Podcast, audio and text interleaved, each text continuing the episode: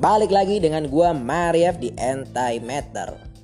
Uh, Gue ini ngerekam tanggal 27 Juli hari Selasa tahun 2021 jam 18.59 ya, Jadi misalnya ada suara jangkrik, suara ngengat ya maaf gitu. Karena ya memang rumah gue deket kebon gitu. Jadi suara-suara begitu udah biasa. Jadi kalau bocor ya gue minta maaf dan ya gimana kita? Apalagi kalau misalnya nanti jam 11 jam 12 jam 10 lah. Itu ada suara burung eh, apa namanya? Burung yang suaranya kayak kuntilanak itu. Ya, suara gitu anjing gitu. Gue tuh kalau rekaman apalagi eh, terutama overdust itu. Kalau gue rekaman overdust malam-malam kan jam 12 jam 1 tuh ada tuh suara tuh. Tapi jarang bocor sih. Suaranya lumayan jauh ya itu biasa aja gue udah biasa. Tapi kalau kayak suara ada bis di rumah dekat rumah gue kan ada hutan bambu itu. Ini kalau ada angin gede itu kadang-kadang bambunya tabrakan itu gue bikin kaget itu suara lumayan keras tuh. Jadi ya itulah nasib orang yang rumahnya dekat hutan dekat kebun. Banyak nyamuk banyak kadang-kadang ada ular pernah ada ular kobra ya begitu. Dan gue mau ngabarin ke lu semua yang dengar kalau gue ada channel baru namanya hal yang gue pelajari minggu ini. Itu namanya loh, itu bukan pernyataan.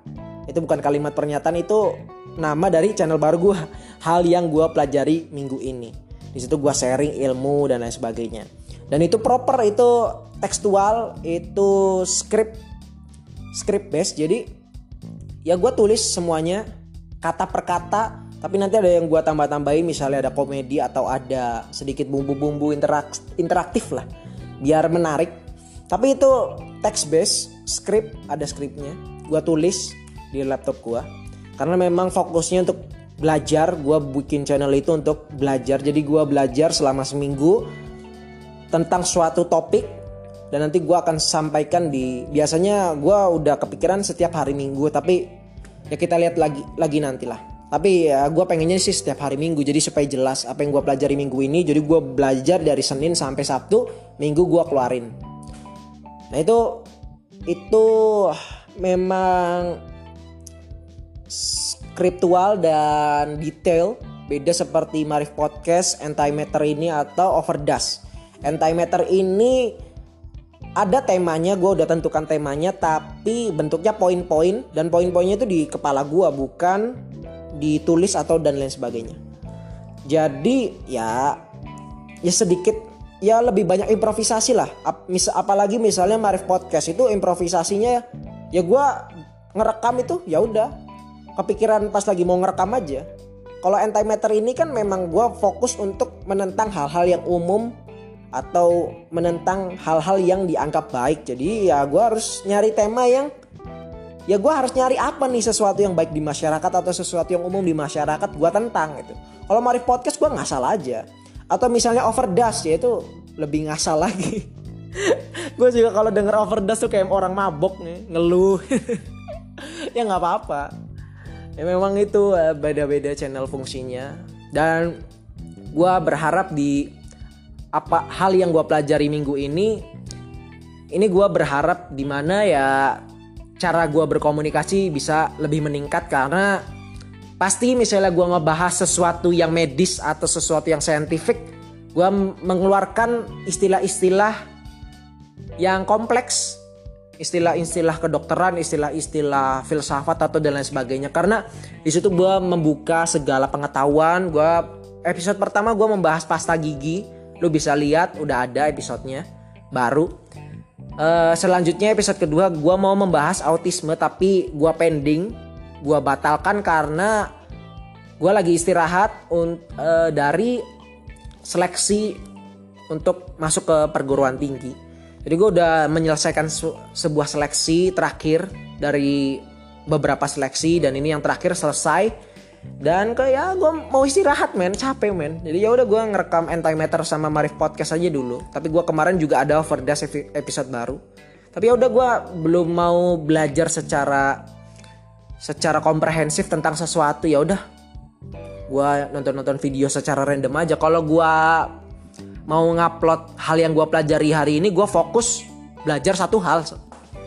Ya episodenya ngebahas apa gue dalam seminggu itu fokus ngebahas itu atau fokus belajar tentang hal itu jadi ya perlu dedikasi yang tinggi lah untuk mengupload episode di hal yang gue pelajari minggu ini ya silakan lu cek aja dan mungkin lu bisa tertarik karena ya lebih edukatif dibanding channel-channel yang lainnya. Kalau channel-channel yang lainnya seperti Etimeter, Marif Podcast dan Overdash itu kan lebih ke opini atau filosofis.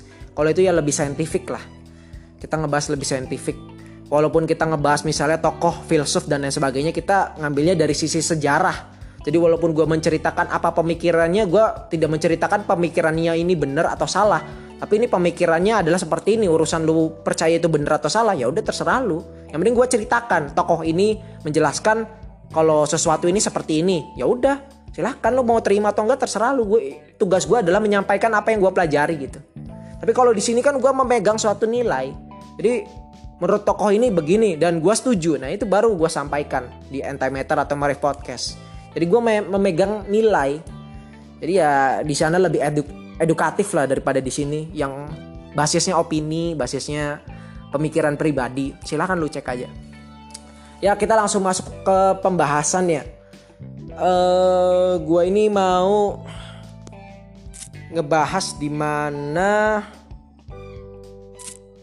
kita ini menganggap kalau kebahagiaan itu simpel, kebahagiaan itu mudah. Jadi ada narasi di masyarakat di mana ya kalau mau bahagia itu gampang kok. Apa susahnya sih? Kita tuh nggak perlu mobil mewah, nggak perlu motor mewah atau rumah mewah untuk menjadi bahagia gitu. Oke sepakat tapi ya mungkin orang salah mengerti di mana apa itu bahagia, apa itu pleasure, apa itu happiness. Dan nanti gue mungkin kasih beberapa perspektif dari para filsuf tentang kebahagiaan yang ya seharusnya sudah tidak relevan lagi karena sudah ada penjelasan ilmiahnya. Jadi dari opini masyarakat berbicara di mana bahagia itu mudah, bahagia itu simple. Mungkin secara praktek mereka misalnya lu lihat status WA temen lu atau saudara lu atau kerabat lu lah. Kenalan lu di mana ya mereka tinggal misalnya apa? Uh, makan mie goreng malam-malam. Bahagia itu mudah makan mie malam-malam. Bahagia itu mudah melihat anak sukses anjing. Jadi kita mempunyai perspektif bahagia itu mudah. Bahagia itu mudah, bahagia itu simple yang pada dasarnya secara definitif mungkin mereka tidak bisa membedakan mana bahagia, mana pleasure, mana happiness, mana pleasure ya. Masa gue bahasa Inggris bahasa Indo ya bahasa Inggris bahasa Inggris sekalian ya. Mana happiness mana pleasure gitu. Jadi kita tidak bisa membedakan apa yang mudah apa yang sulitnya. Bahagia ini kompleks gitu. Jadi seolah-olah bahagia itu adalah kekuasaan lu sepenuhnya. Dan bagi gue memang bisa. Tapi sangat tidak apa ya peluangnya itu sangat sedikit untuk bisa lu bahagia tanpa dukungan dari luar gitu. Jadi bahagia itu ya butuh pihak luar. Mungkin ada lu yang dari lu adalah stois stoik gitu, percaya dengan gaya hidup stoicisme. Yaudah kita mengurus diri kita sendiri, tidak mengurus orang lain. Oke. Oke, yang muncul adalah ya mungkin bisa kebahagiaan karena lu tidak memusingkan sesuatu yang tidak bisa lo kuasai gitu. Itu ya mendukung untuk kebahagiaan kita untuk muncul tapi ya tidak sepenuhnya membuat kita bahagia terus gitu. Walaupun kita sudah mengambil hidup secara stoicisme jadi ya dalam tanda kutip individualis lah. Tidak membuat kita ini stigmanya gimana ya gue ya kita kita anggap aja individualis lah kita menganggap diri kita sendiri tuh yang bisa dikuasai urusan orang lain ya udah kita yang penting kita berusaha urusan mereka bagaimana itu bukan urusan kita. Dan gue setuju tapi ya bukan itu intinya. Jadi ya itu memang bisa mendukung kita untuk bahagia tapi harus ada sebuah ekosistem yang kompleks. Kompleks itu bag, bukan tidak bisa dijelaskan ya. Jadi banyak orang yang bilang eh, ya alam semesta ini kompleks. Jadi di luar akal manusia. Ah, itu itu kompleks itu bagi gue bukan sesuatu yang tidak bisa dijelaskan. Kompleks itu maksudnya sesuatu yang rumit ya bisa dijelaskan gitu. Tapi kalau ingin dijelaskan ya harus ada pemahaman yang lebih lanjut tuh. Harus ada dedikasi yang lebih untuk lo bisa memahami hal itu bukan kompleks itu nggak bisa dijelaskan. Kompleks itu nggak usah dicari tahu ya. Kompleks itu bisa dijelaskan. Atau ya nantinya hanya Tuhan yang tahu. Asik. Itu mah memang males saya gitu loh nyari jawaban. Jadi ya ada ada ada proses yang kompleks ada kom, apa ada dukungan yang kompleks agar lu bisa bahagia secara general. Walaupun ya bagi setiap orang beda-beda lah apalagi bagi orang yang mungkin dirinya apa ya karena ya yang terbaru bahagia itu dibutuhkan empati, kesepakatan kesepakatan internasional. Karena kalau lu bahagia tanpa empati ya lu bukan bahagia, lu lebih ke ignorant gitu. Jadi lu bahagia karena lu nggak peduli sekitar lu gitu.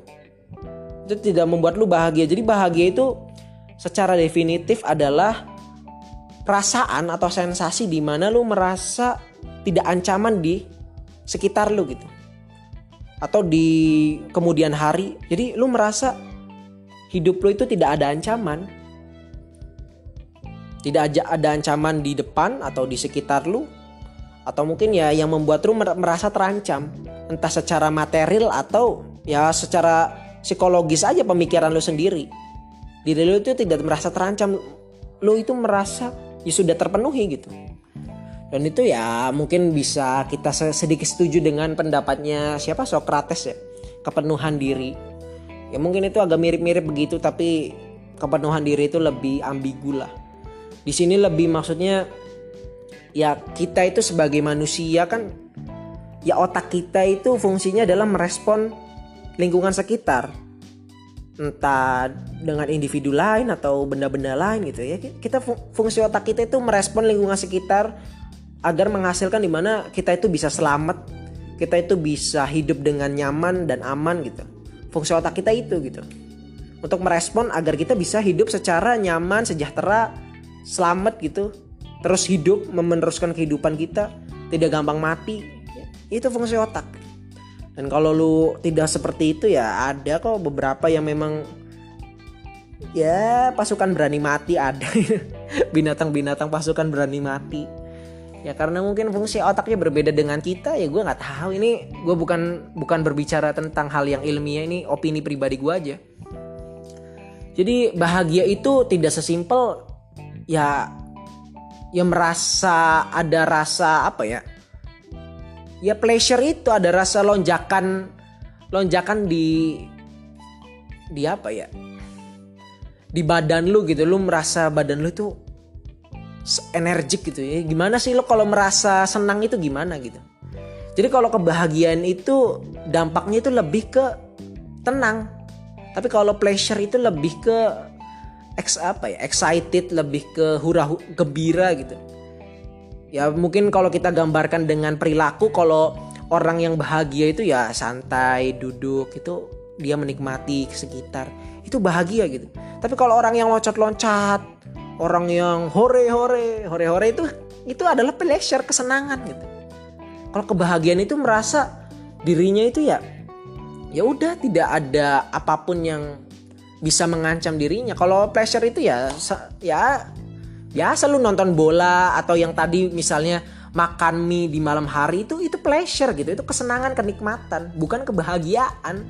Jadi bukan bahagia itu mudah senang itu mudah iya. Tapi bahagia itu mudah ya bisa mudah bisa sulit sesuai kondisi sosialnya. Dan kondisi sosialnya harus mendukung gitu. Apalagi misalnya kondisi sosialnya misalnya tidak mendukung lo untuk bahagia. Contohnya kalau lu ada di tempat yang apa ya orang-orangnya tidak taat peraturan orang-orangnya tidak berpendidikan orang-orangnya mengurusi hal-hal yang privat orang-orangnya tidak bermoral gitu itu akan sangat mempengaruhi kebahagiaan lu gitu. Apa contohnya? Ya, misalnya kalau lu di tempat di mana lu tahu lu bisa ditembak di sini gitu atau lu tahu ini maskapai sering ngebuat orang jatuh ini maskapai pesawatnya sering jatuh gitu. Ya itu akan membuat lu tidak bahagia gitu. Lu akan panik lu akan merasa terancam. Di setiap ya di setiap lu melakukan sesuatu atau ya lu menjalankan menjalankan ya prosesi itu gitu. Atau misalnya kalau lu tahu lingkungan sekitar lu laki-lakinya bajingan semua dan lu punya anak perempuan di mana pulang malam-malam gitu. Dan lingkungan sekitar lu itu bajingan gitu. Laki-lakinya bajingan semua. Ya pasti lu khawatir gitu. Anak perempuan lu pulang jam 10, jam 11. Itu wajar. Dan itu membuat lu nggak bahagia, lu panik, lu lu khawatir anak perempuan lu akan diperkosa, akan di dilakukan tidak dengan hormat, tidak menyenangkan. Jadi itu itu membuat lu tidak bahagia gitu. Dan kalau lu bisa dengan lingkungan yang hancur dalam tanda kutip, lu tetap bahagia, itu lu itu bukan bahagia. Secara internasional disepakati itu lebih ke ignorant aja, emang nggak peduli gitu. Jadi memang kebahagiaan secara dasar adalah tidak merasa terancam.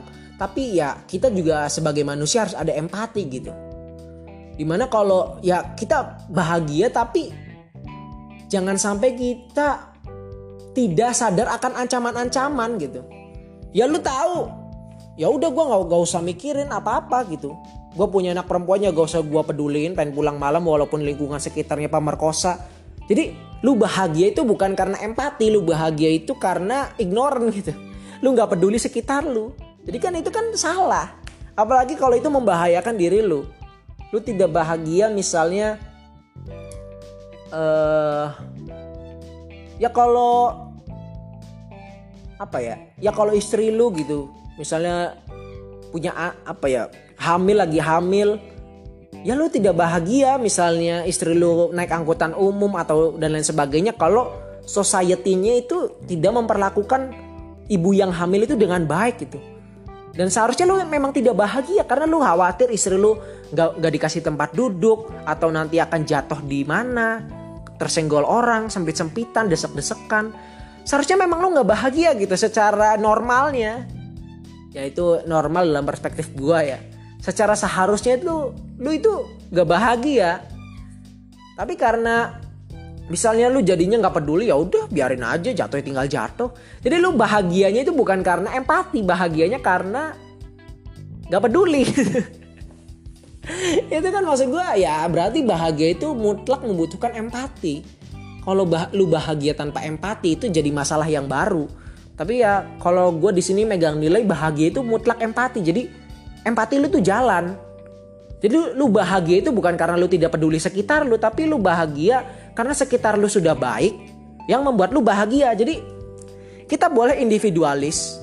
Individualis dalam konteks ya ya kesenangan gitu. Tapi kalau kebahagiaan ya kalau ada sesuatu yang mengancam seperti anak lu butuh uang e, untuk membayar sekolah dan lain sebagainya. Kalau lu tidak peduli dengan itu, ya karena yang apa yang dipikirin daripada hidup susah. Ya itu perlu gitu. Dan ada ada konsep di mana kalau kita terlalu lama bahagia malah mengurangi motivasi hidup. Jadi bahagia itu tidak boleh secara terus menerus yang kita sebagai manusia ya kadang bahagia, kadang enggak, kadang kadang sedih, kadang marah. Jadi intensitasnya ya tidak secara konstan, naik turun fluktuatif gitu. Jadi kita tidak bisa berbahagia terus secara terus menerus itu malah jadi suatu ancaman baru di mana kita mengurangi motivasi hidup kita. Kita jadi males untuk menjalankan hidup. Ya lu kalau mau lihat contohnya itu orang-orang tua lah, umur 60, umur 70 saya sampai umur 90 lah. Kalau udah ada kata hidup itu apa sih? Hidup itu ya untuk berbuat ya udah apa ya? Hidup itu hanya sementara, akhirat yang selamanya. Jadi dia udah tidak ada harapan pada hidup lagi. Itu berarti dia itu sudah bahagia, itu bahagia itu karena dia merasa dia sudah selesai dengan hidupnya. Tidak ada ancaman ya udah dia damai gitu. Tapi kalau kelamaan itu akan mengurangi motivasi hidup seperti orang-orang tua tadi karena tidak ada ancaman di hidupnya. Ya sama sekali ya udah terus apa? Kalau dia mendalami agama ya jadinya spiritualis atau agamis ya mungkin kalau dia yang tidak spiritualis atau tidak mendalami suatu kepercayaan ya mungkin jadinya ya bosen aja gitu. Ngapain ya gabut? Jadi ancaman itu dalam kehidupan kita perlu. Jadi ya misalnya bahagia itu harus ya enggak juga. Bahagia itu penting. Tapi maksud gue tidak secara konstan lo harus bahagia. Enggak gitu ya kadang nggak bahagia juga nggak apa-apa sih. Kenapa lu apalagi orang Indonesia ini ya maksud gue secara statistik ada indeks kebahagiaan yang diukur secara internasional disepakati. Indonesia ini nomor belakang. Tapi ya masyarakatnya paling sering ngomong kalau dirinya bahagia gitu. Padahal orang-orang yang misalnya kayak Denmark eh, Finlandia mereka yang secara indeks kebahagiaannya tinggi mereka nggak pernah tuh Bahagia itu gampang, bahagia itu mudah makan mie di malam hari. Bahagia itu mudah melihat istri kawin lagi atau apalah. Jadi mereka mengaku dirinya sendiri bahagia gitu. Sedangkan orang yang diakui bahagia secara internasional dalam rasio indeks kebahagiaan, ya mereka malah bingung gitu. Oh negara kita ini bahagia ya? Ya nggak tahu gitu. Karena ya bahagia itu bukan loncat-loncat, bukan hura-hura, bukan hore-hore gitu. Itu pleasure, itu kesenangan. Lu merasakan makanan, lu lapar terus lu merasakan kesenangan gitu. Apalagi misalnya lu puasa, menahan lapar, terus lu makan KFC gitu. Itu lu merasakan sebuah lonjakan di badan lu atau apa perasaan setruman gitu. Itu bukan kebahagiaan, itu kesenangan gitu. Itu kenikmatan, itu pleasure. Bukan bahagia itu mudah, puasa lalu makan KFC. itu nggak nggak kayak gitu gitu jadi kita harus bisa membedakan mana pleasure, mana kebahagiaan. Kebahagiaan itu ya condongnya kecenderungannya itu lebih ke kedamaian gitu. Sedangkan pleasure kenikmatan itu condongnya lebih ke hura hore-hore, uh, loncat-loncat ya. Ya perasaan yang melonjak-melonjak di dalam hati lah gimana ya gue menjelaskannya. Ya perasaan apa ya hangat gitu. Ya, kalau kebahagiaan itu malah tenang gitu. Ya ya lu bisa bahagia dengan narkoba kan kayak itu perasaan itu gitu. Kalau orang yang narkoba kalau loncat-loncat ya dia berarti pleasure tapi narkoba yang jadi santai ganja itu ya berarti bahagia itu. Nah, kalau loncat-loncat gak jelas kesenangan hura-hura itu ke kenikmatan. Jadi lu pertama bedakan dulu kebahagiaan dan kesenangan pleasure dan happiness. Lalu lu pertimbangkan perdebatannya silahkan lu bisa perdebatkan lu bisa diskusikan. Di mana kebahagiaan itu happiness itu mutlak membutuhkan empati gitu. Kan kita udah udah tahu arti bahagia adalah kondisi atau sen, atau kondisi di mana kita merasakan kita ini tidak ada ancaman. Nah itu kan mas, masalahnya kalau lu merasa aman tidak ada ancaman tapi dengan men, me, dengan tidak mempedulikan sekitar lu jadi ya lu tidak aware dengan sekitar lu ya itu salah gitu tapi kalau lu bahagia dengan empati di mana lu sudah berempati, lu sudah memiliki empati dalam diri lu dan lu bahagia, nah itu barulah kebahagiaan yang seharusnya gitu. Kalau kebahagiaan yang dihasilkan karena lu tidak peduli atau lu tidak bisa aware dengan sekitar lu, lu ya udah.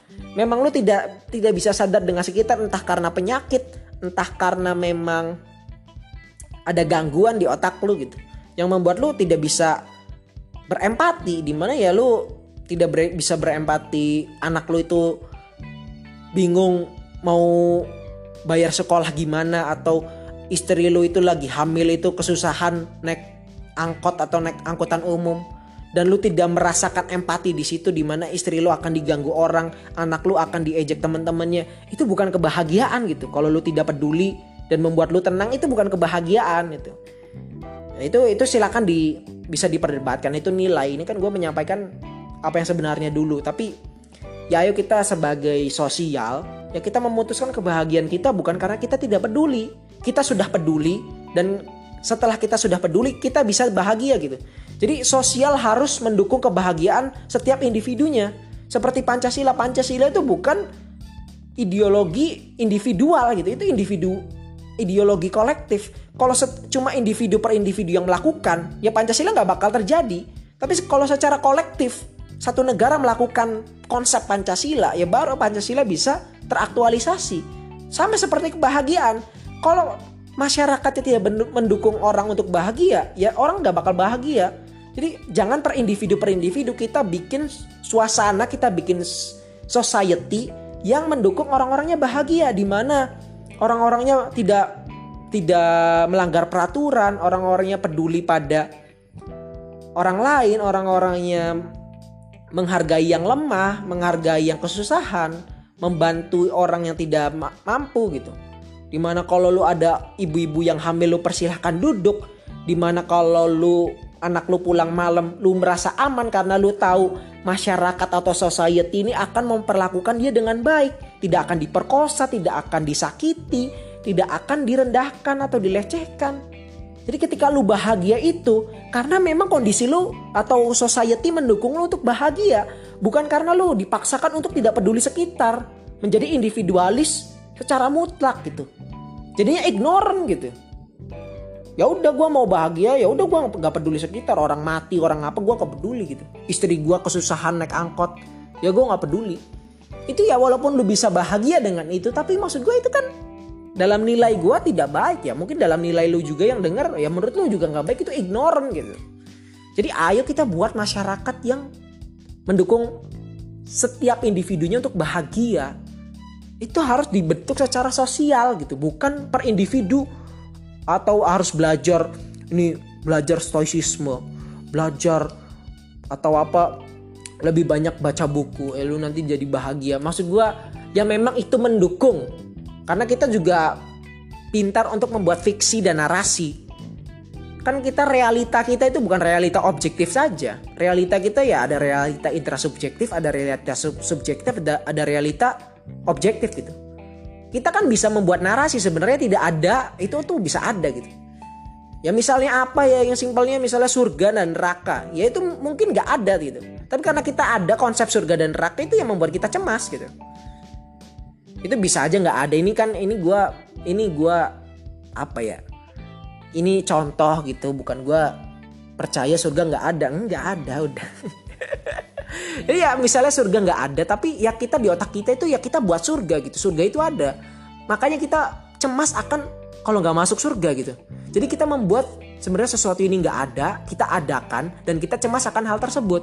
Nah itu kalau lu kurang apa ya kalau lu tidak bisa tidak bisa lepas dari realita itu ya lu akan susah untuk bahagia karena walaupun sosialnya sudah baik sosialnya sudah mendukung lu untuk bahagia tapi lu masih membuat hal-hal yang di luar dari realita yang seharusnya ya ya apa yang seharusnya tidak apa ya? Ya ya lu buat buat sendiri gitu. Lu nggak bahagia tuh lu, lu buat buat sendiri lu susah sendiri hidupnya gitu. Di mana ya udah gitu. Ya kalau yang penting ya udah. Jadi kalau ada orang-orang yang ngurusin privasi orang jadi walaupun masyarakatnya sudah bahagia tapi dia masih pengennya ya lu gua pengen apa dunia ini isinya orang-orang yang kalau sholat atau kalau ibadah itu tunjuknya nggak boleh muter-muter gitu. Harus tegak lurus gak boleh gak boleh bungkuk. Eh, itu itu orang yang ya itu susah bahagia gitu karena dia susah sendiri hidupnya. Maksud gue ya udah itu urusan privasi orang gitu. Tidak lu urusin atau bikin-bikin uh, apa apa apa misalnya ya nanti ada zombie ada kof apa ada covid yang bisa membuat orang jadi zombie atau ada alien yang akan menghancurkan manusia. Jadi lu jadi paranoid sendiri gitu. Nah itu lu akan susah bahagia di situ. Kalau lu membuat realita lu sendiri di dalam otak lu gitu tapi kalau ya kalau masyarakatnya sudah baik ya tentu indeks indeks kebahagiaannya akan meningkat. Tapi ya tetap aja ada orang yang pasti cemas akan tidak bahagia karena ya otaknya memang diisi hal-hal yang tidak realistis gitu ya nggak apa-apa. Tapi yang penting sosial kita itu mendukung orang untuk bahagia gitu. Jadi gue sih gue sih pengen di mana society itu ketika gue ketinggalan dompet ya dompet gue masih ada di situ walaupun gue tinggal seharian. Jadi gue itu misalnya gue ketinggalan dompet ya udah tenang gitu. Ya nggak apa-apa nah baik ketinggalan dompet tinggal balik lagi. Palingan capek sih ya udah males gitu. Yang timbul tuh rasa males bukan rasa panik atau rasa ketakutan di mana kalau dompet gua akan hilang gitu.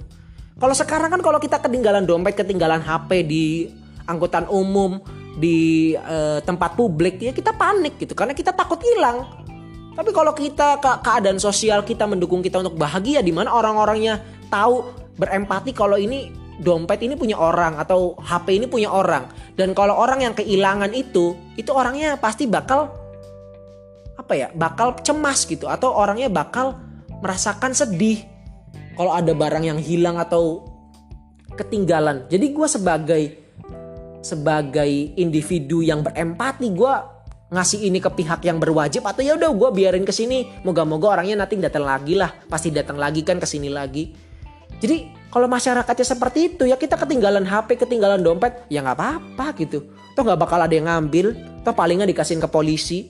Karena kita tahu masyarakatnya sudah baik gitu. Sama seperti misalnya kita anak kita pulang jam 1 mal, jam 1 pagi, jam 12 malam, ya nggak apa-apa gitu. Karena kita tahu masyarakat kita yang nggak bakal ada yang memperkosa anak kita atau memperlakukan anak kita dengan tidak baik, melecehkan, menghina, tidak hormat gitu. Karena masyarakat kita mendukung kita untuk bahagia, tidak panik gitu. Jadi bahagia itu sederhana, ya bisa sederhana. Tapi kalau lu tidak menaruh empati di dalamnya gitu. Itu bahagia tanpa empati. Itu lu punya punya kelainan, punya gangguan di dalam kepribadian lu gitu. Karena lu menjadi ignorant. Kalau lu melihat istri lu kesusahan dalam menaik apa ya dalam naik angkutan umum anak lu pulang malam lu nggak peduli walaupun ada yang memperkosa gitu ya udah nggak apa-apa. Itu kalau lu sama sekali nggak cemas ya itu lu aneh gitu nggak wajar. Maksud gua ya kalau lu tahu peluang untuk anak lu diperkosa adalah 90% dengan keluar malam dan lu merasa ya nggak apa-apa nggak bakal itu bukan itu bukan apa ya itu bukan itu bukan apa ya Ya walaupun lu merasa bahagia, lu merasa lu jadi merasa tenang dengan hal itu, tapi kan ngaco gitu. Itu namanya ignorant gitu. Lu tahu area lu ini rawan begal gitu. Kemungkinan orang di begal itu satu dari lima orang. Ya kalau lu nggak khawatir bakal dibegal ya lu aneh, ignorant gitu. Lu nggak bisa paham sekitar, otak lu nggak berfungsi dengan baik karena fungsi otak adalah apa? Meng merespon keadaan sekitar gitu agar lu bisa survive, agar lu bisa hidup nyaman dengan aman. Nah, masalah kalau lu merasa hidup nyaman dengan aman tapi sebenarnya kondisi sosial atau sekitar lu adalah hal yang membahayakan bagi lu tapi lu merasa nyaman dan aman, berarti ada masalah dengan otak lu gitu. Otak lu itu tidak merespon sekitar lu dengan baik. Dia tidak apa ya, tidak mentransmisikan informasi dengan seharusnya di mana ya kalau ada bahaya ada ancaman dia akan merespon gitu. Responnya ya bisa ketidakbahagiaan tidak bisa dengan kesedihan bisa ya agar lo bisa menghindari ancaman tersebut. Jangan lu tahu ada ancaman otak lu merasa tetap merasa nyaman dan aman. Lu tahu terus aja mati berarti ada kesalahan gitu nanti otak lu adalah otak pengorbanan di mana lu kalau ada ancaman ada ada bahaya, lu tidak meresponnya dengan baik dan tetap merasa nyaman dan aman. Itu bahaya. Kalau situasinya nggak aman dan nyaman ya lu seharusnya merasa bahaya, lu harusnya nggak bahagia gitu. Karena memang ada ancaman secara nyata, secara faktual itu ada. Dan kalau lu tidak bisa merespon itu, ya otak lu gangguan, men. Jadi bahagia itu ya secara umum harus dibutuhkan empati. Kalau bahagia nggak punya empati, itu berarti bahagianya orang yang nggak normal gitu. Bahagia orang yang membahayakan dirinya sendiri dan orang lain. Jadi ya ya kita kita berbicara manusia secara normal secara umum. Lu kalau mau bahas orang gila, orang gangguan, ya silakan. Orang yang tidak peduli sekitar gitu. Orang yang apa sosiopat atau apalah gue nggak paham.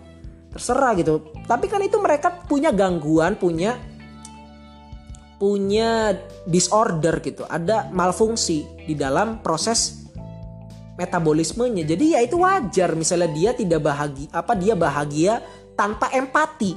Tapi orang yang normal, orang yang otaknya secara fungsinya normal di mana kalau ada ancaman mereka menghindar, mereka menjauhi ancaman atau mereka ingin menyelesaikan suatu ancaman, ya mereka kalau ada ancaman mereka harusnya tidak bahagia. Karena mereka ya cemas gitu, panik kalau ada ancaman. Dan kalau lu merasa ancaman itu nggak apa-apa, lu nyaman dan aman, ya udah, mendingan kita nggak usah pikirin ancamannya, kita jalan aja. Ya lu ditabrak kereta lu. lu paham gak sih maksud gue? Jadi kebahagiaan mutlak bagi orang normal untuk adanya empati gitu. Tanpa empati lu bukan orang normal gitu. Kalau lu bahagia tanpa empati, ya berarti lu ada gangguan, lu mendingan ke psikiater gitu.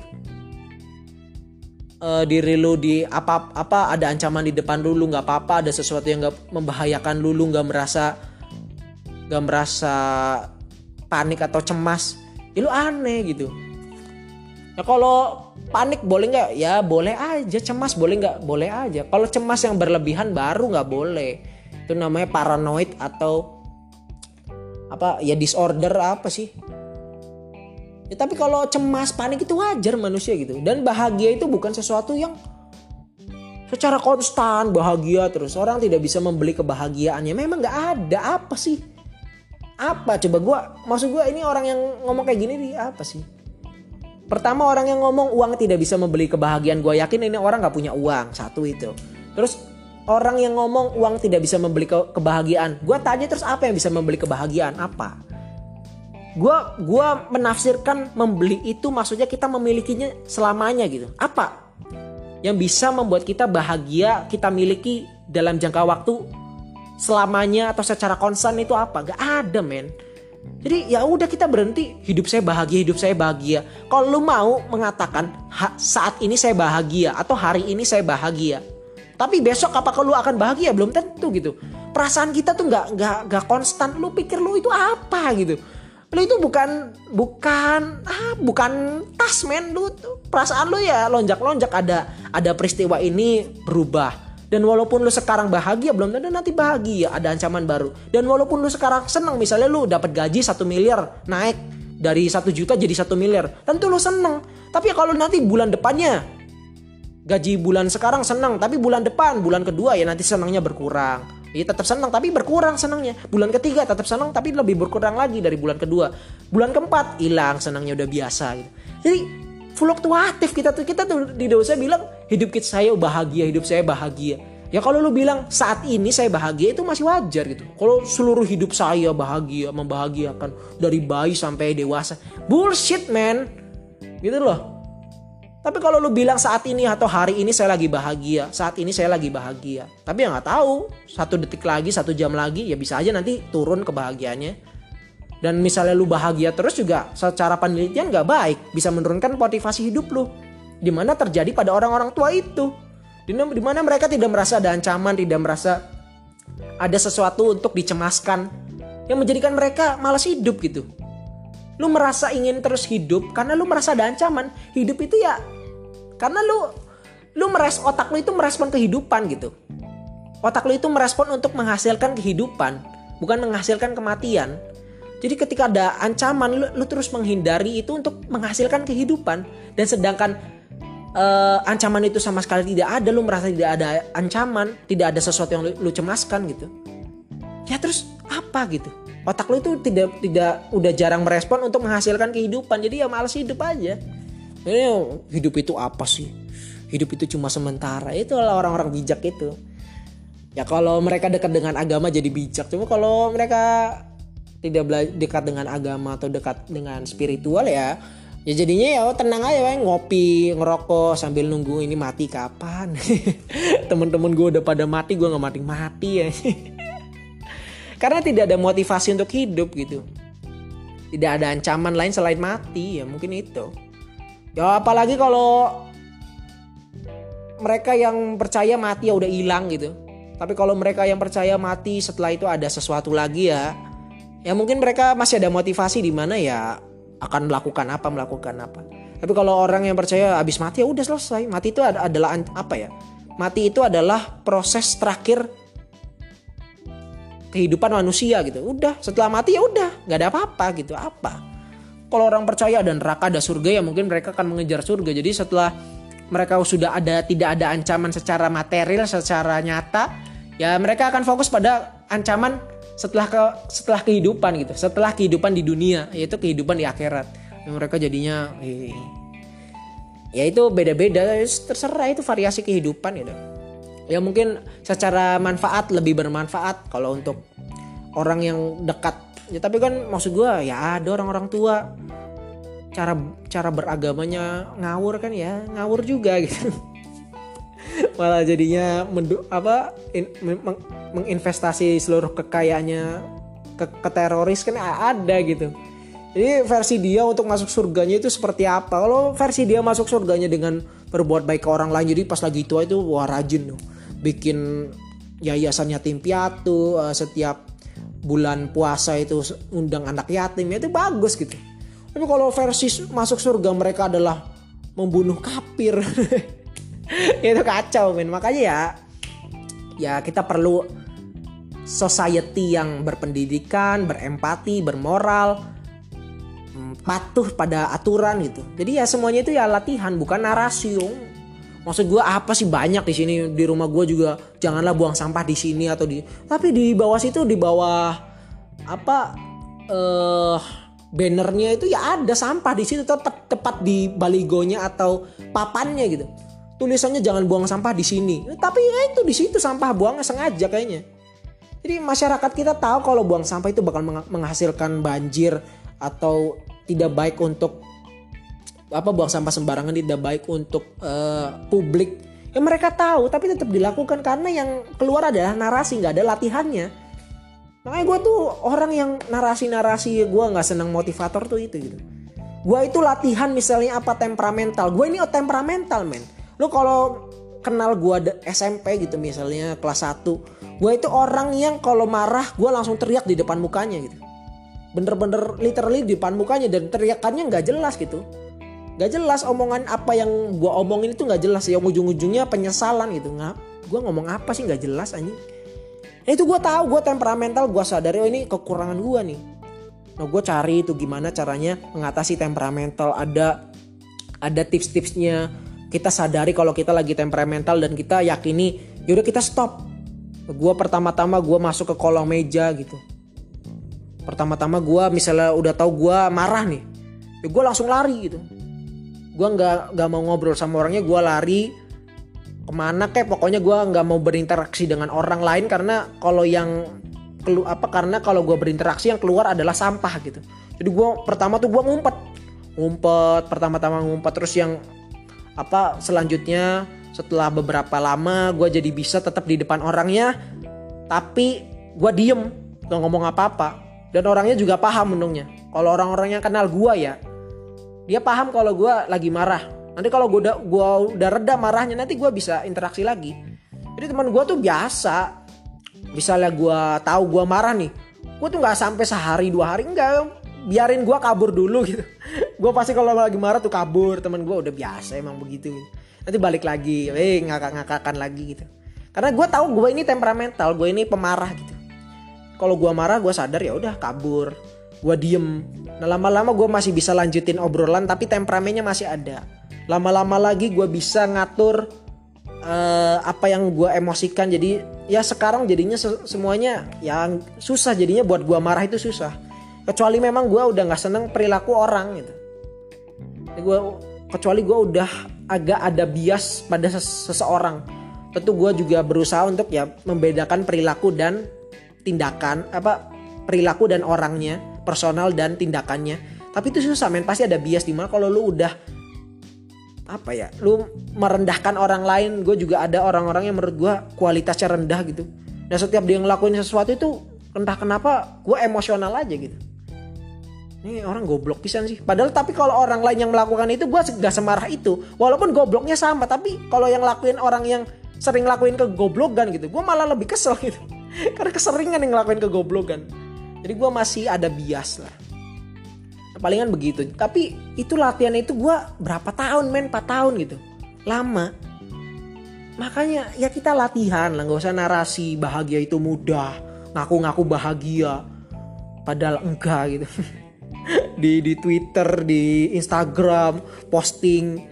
Ya saya ini bahagia. Saya bahagia bahagia itu mudah makan mie di malam hari. Bahagia itu mudah melihat anak sukses. Bahagia itu mudah melihat anak yang menyayangi orang tuanya. Wah anjing.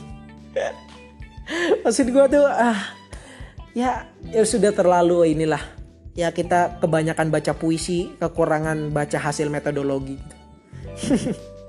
Jadi lebih banyak-banyak baca hasil metodologi supaya ya yang gak usah sok-sokan lah. Maksud gue kalau lu bahagia tuh gak usah ngaku-ngaku gitu. Orang yang bahagia itu yang memang mereka secara internasional di disepakati adalah negara yang tingkat kebahagiaannya teratas itu ya mereka nggak ada tuh yang ngaku-ngaku bahagia. Malah dia bingung kalau dibilang dia itu bahagia. Karena bahagia dengan pleasure beda. Mungkin rakyat Indonesia itu lebih banyak pleasure-nya daripada kebahagiaannya. Ya mungkin kalau Indonesia bisa masuk indeks pleasure ya Indonesia mungkin paling banyak karena memang orangnya ignorant. Kalau pleasure kan ya tidak membutuhkan empati gitu. Ada orang yang pleasure-nya dengan mengingatkan mengingatkan orang sekedar mengingatkan. Eh, pleasure-nya itu gitu. Orang seneng tapi merugikan orang lain gitu. Pleasure-nya dengan gangguin orang, orang atau lagi bersenggama wah di dikelilingin diarak satu kampung. Itu kenikmatan mereka tapi secara moral, secara empati nggak ada itu. Maksud gue, lu kalau misalnya mau ngarak-ngarak orang yang bersetubuh walaupun belum menikah gitu. Maksud gue apa ya? Sampai gue baca berita tuh perempuannya diarak-arak keliling-keliling desa telanjang. Itu empatinya di mana, men? Maksud gue, lu lu pikirin lu di kondisi itu tuh gimana gitu? Lu diarak-arak telanjang, goblok gue tuh. Anjing tolol. ya itulah negara kita. Ya bukan negara mungkin itu suatu tempat itu oknum-oknum ya oknum silit lah oknum silit. Oknum kok banyak anjing. Ya maksudnya kalau oknum oknum sedikit ya udahlah. Kita masih bisa menol menoleransi. Tapi kalau oknum banyak ya harus dibenerin bangsat. Oknum banyak ya harus dibenerin. Ya yang benerin siapa? Ya bukan gua pastinya. Ya diri lu sendiri. Lu bisa di, benerin diri lu sendiri. Dan mungkin lu bisa benerin sekitar lu yang paling dekat. Yang menurut lu lu bisa ngasih masukan ke dia tapi kalau lu ya tapi jangan terlalu berharap ya biasa aja. Masih aja eh lu ini jangan begini. Apalagi misalnya ada orang yang memang mereka ya mungkin bisa dibilang bermoral berempati tapi mereka jadi tidak bahagia. Susah bahagia karena ya karena keempatisannya itu. Jadi di mana ya mereka ngurusin orang lain sih. Jadi bagi bagi lu yang misalnya lu memperjuangkan suatu nilai memperjuangkan misalnya kesetaraan gender ya sudah lu mengedukasi lu menyampaikan opini lu gitu. Tapi misalnya ada komen-komen jahat komen-komen buruk ya udah jangan sampai mengganggu kehidupan lu. Di mana lu jadi susah tidur lu jadi overthinking. Walaupun gue overthinking sih tapi ya maksud gue ya jangan sampai gerakan moral lu atau gerakan empatis lu itu membuat diri lu susah gitu. Jadi jadi sebelum lu melakukan suatu gerakan moral lu harus establish secara mental. Di mana lu siap untuk menghadapi orang-orang yang memang goblok gitu. Kan lu lu memperjuangkan misalnya apa? Kesetaraan gender atau lu memperjuangkan minoritas. Karena minoritas ditindas ya lu akan menemukan orang-orang yang memang penindas gitu. Sifatnya ketai gitu. Ya lu harus siap. Bukan lu ketika menemukan orang-orang yang katai lu kok ketai sih? Lah ya ya lu kan memperjuangkan untuk orang-orang ketai ini nggak ada. Jadi ya lu secara mental harus establish dulu gitu jadi ketika lu mengkritik, ketika lu beropini, ketika ada opini apa, ketika ada respon yang goblok atau ketai, ya lu menganggapnya ya memang ini perjuangan gua gitu. Gua memperjuangkan agar orang-orang ini berkurang atau menghilang gitu. Jadi yang ngapain gua marah? Ya memang gua memperjuangkan ini. Karena gua banyak teman gua di mana mereka memperjuangkan minoritas atau agama agama Nusantara gitu. Animisme, dinamisme tidak ada dicantumkan dalam negara yang ada cuma enam agama. Padahal kita ada agama apa gitu, agama agama tradisional atau apa gue nggak gue nggak terlalu paham. Tapi yang mereka di di administrasi ditulisnya agama yang enam agama itu, padahal agamanya bukan itu gitu. Walaupun sekarang ada kepercayaan pada Tuhan yang Maha Esa, tapi katanya kan masih ada konflik-konflik di mana ditulisnya Islam atau ditulisnya apa Malahan ada orang Kristen ditulisnya Islam gitu. Jadi ya masih ada konflik-konflik di situ ya mereka memperjuangkan itu. Dan mereka tahu ya lu harus tahu di mana.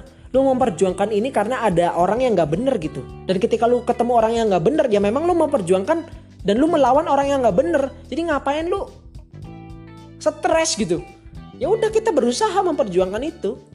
Tapi ya jadi ya tidak membuat kita susah tidur tidak membuat kita jadi adiksi dengan internet. Jadi setiap ada orang komen jahat lu balesin satu-satu jadinya lu dari pagi sampai malam lu wah gak bisa lepas fokus pikiran lu dengan komentar orang. Orang ini kok komentar jahat banget lah. Padahal gua tuh memperjuangkan kesetaraan perempuan. Ya karena lu memperjuangkan kesetaraan perempuan karena memang perempuan itu berarti tidak ada apa ya? Lu memperjuangkan kesetaraan perempuan Berarti lu tahu perempuan ini tidak disetarakan dengan laki-laki. Berarti ada laki-laki brengsek yang tidak menyetarakan dirinya dengan perempuan. Ya berarti memang ada laki-laki brengsek ya udah kalau ada komentar-komentar brengsek ya memang lu melawan mereka gitu. Nggak usah stres. Mereka hanya senang-senang aja lu nya mikirin komentar mereka sampai malam gitu. Ngedebatin gitu. Mikirin jadi lu nungguin dia ngebales setiap men, setiap menit ngecek udah balas belum, udah balas udah balas belum kalau udah balas langsung lu balas jadi lu stres sendiri gitu ya gue sebagai ya gue juga memperjuangkan sesuatu tapi ya udah gitu. Gue yang penting mengedukasi gue memberitahu urusan orang lain seperti apa atau responnya seperti apa gue nggak peduli. Apalagi kalau gue tahu memperjuangkan sesuatu melawan orang goblok dan balasannya adalah kegoblokan ya memang gue ngelawan orang goblok jadi kenapa malah biarin aja. Malah orang-orang ini ya gue pengen agar jadi tidak goblok gitu. Gue melawan orang goblok agar ya mereka ini jadi pinter gitu ini ini kasarnya ya. Ya gue juga goblok kalau lu mau. Gue juga goblok. Ini kasarnya. Ini uh, analogi. Ya gitu aja. Jadi kebahagiaan itu nggak simple dan kompleks. Bisa simple tapi kalau masyarakatnya mendukung. Jadi ya maksud gue tidak simple itu karena butuh dukungan pihak luar gitu. Mungkin kalau lu bisa mengendalikan kebahagiaan lu dengan otomatis seperti yang dipikirkan orang-orang eh, bahagia tinggal bahagia. Ya kayak misalnya kencing tinggal kencing, ngising tinggal ngising. itu kan simpel gitu. Tapi ya bahagia itu harus ada dukungan sekitar, ada empati. Bahagia tanpa empati ya lu ada gangguan di otak lu gitu. Jadi ya bahagia itu kompleks, membutuhkan pihak luar, membutuhkan pihak dalam, internal eksternal pihak luar yaitu mendukung di mana kalau gak ada dukungan pihak eksternal lu akan sulit bahagia atau lu tidak bisa bahagia. Dan seperti pun internal lu gitu. Kalau internal lu membuat realita-realita non non non apa ya? Non fisik yang di mana lu khawatir-khawatir sendiri panik-panik sendiri sebenarnya nggak ada ya itu lo jadi susah bahagia. Tapi kan ya itu lo bikin susah hidup lo sendiri gitu. Padahal ya di luarnya nggak ada gitu barang aslinya tuh nggak ada. Lu cuma bikin-bikin hayal-hayal sendiri. Atau lu ngurus-ngurusin hidup orang lain. Misalnya lu punya pacar. Padahal baru pacaran tapi ngurusin gitu. Jadinya ngebuat lu nggak bahagia. Padahal kan ya itu ya terserah pacar lu. Lu tuh apa sih? Hubungan lu tuh apa gitu? Pacaran tuh apa gitu? Yang, yang penting ya udah udah apa ya? Yang penting dia nggak selingkuh gitu. Urusan dia mau makan di mana urusan dia makan udah, udah makan atau belum urusan dia sholat atau belum. Ya biarin anjing. Lu lebih protektif daripada orang tuanya. Kalau belum sholat wah ceramain. Belum ibadah wah kasih ayat. Brengsek. Ngurusin itu lu bikin ribet sendiri gitu. Jadi ya ah, ya udah ada sesuatu yang bisa kita sisihkan agar kita bisa bahagia jadi bedain di mana peduli mana rese gitu. Dan gue setahu gue udah bahas gue jadi ada memang yang peduli. Peduli itu ya karena itu urusan publik dan itu menyangkut menyangkut kepentingan yang faktual gitu. Tapi kalau urusan yang privat yang maksud gue tidak ada efeknya secara nyata ya udah sih kayak misalnya ngurusin orang oh, ibadah atau belum ya urusan mereka jilbaban atau enggak ya urusan mereka. Pakai rok mini atau rok panjang ya urusan mereka. Kalau lu nggak senang ya nggak usah dilihat anjing gitu. Nggak usah nggak usah ngurusin gitu. Lu kesal sendiri ngapain? Selama negara melegalkan ya udah. Oh ada orang pakai rok mini jablay masuk neraka anjing ya gitu aja. Uh, ya lu tahu entimeter ini memang gue memegang nilai gitu. Beda di Marif Podcast ya gue ignoran gitu. Kalau di Marif Podcast gue ignoran. Kalau di sini gue menentang gitu. ya gitu aja. Uh, tungguin episode episode berikutnya di entimeter dan ini episode terpanjang gue nggak tahu kenapa gitu. Ya udah maaf nih udah 55 menit. Dadah semuanya. Bangsa kau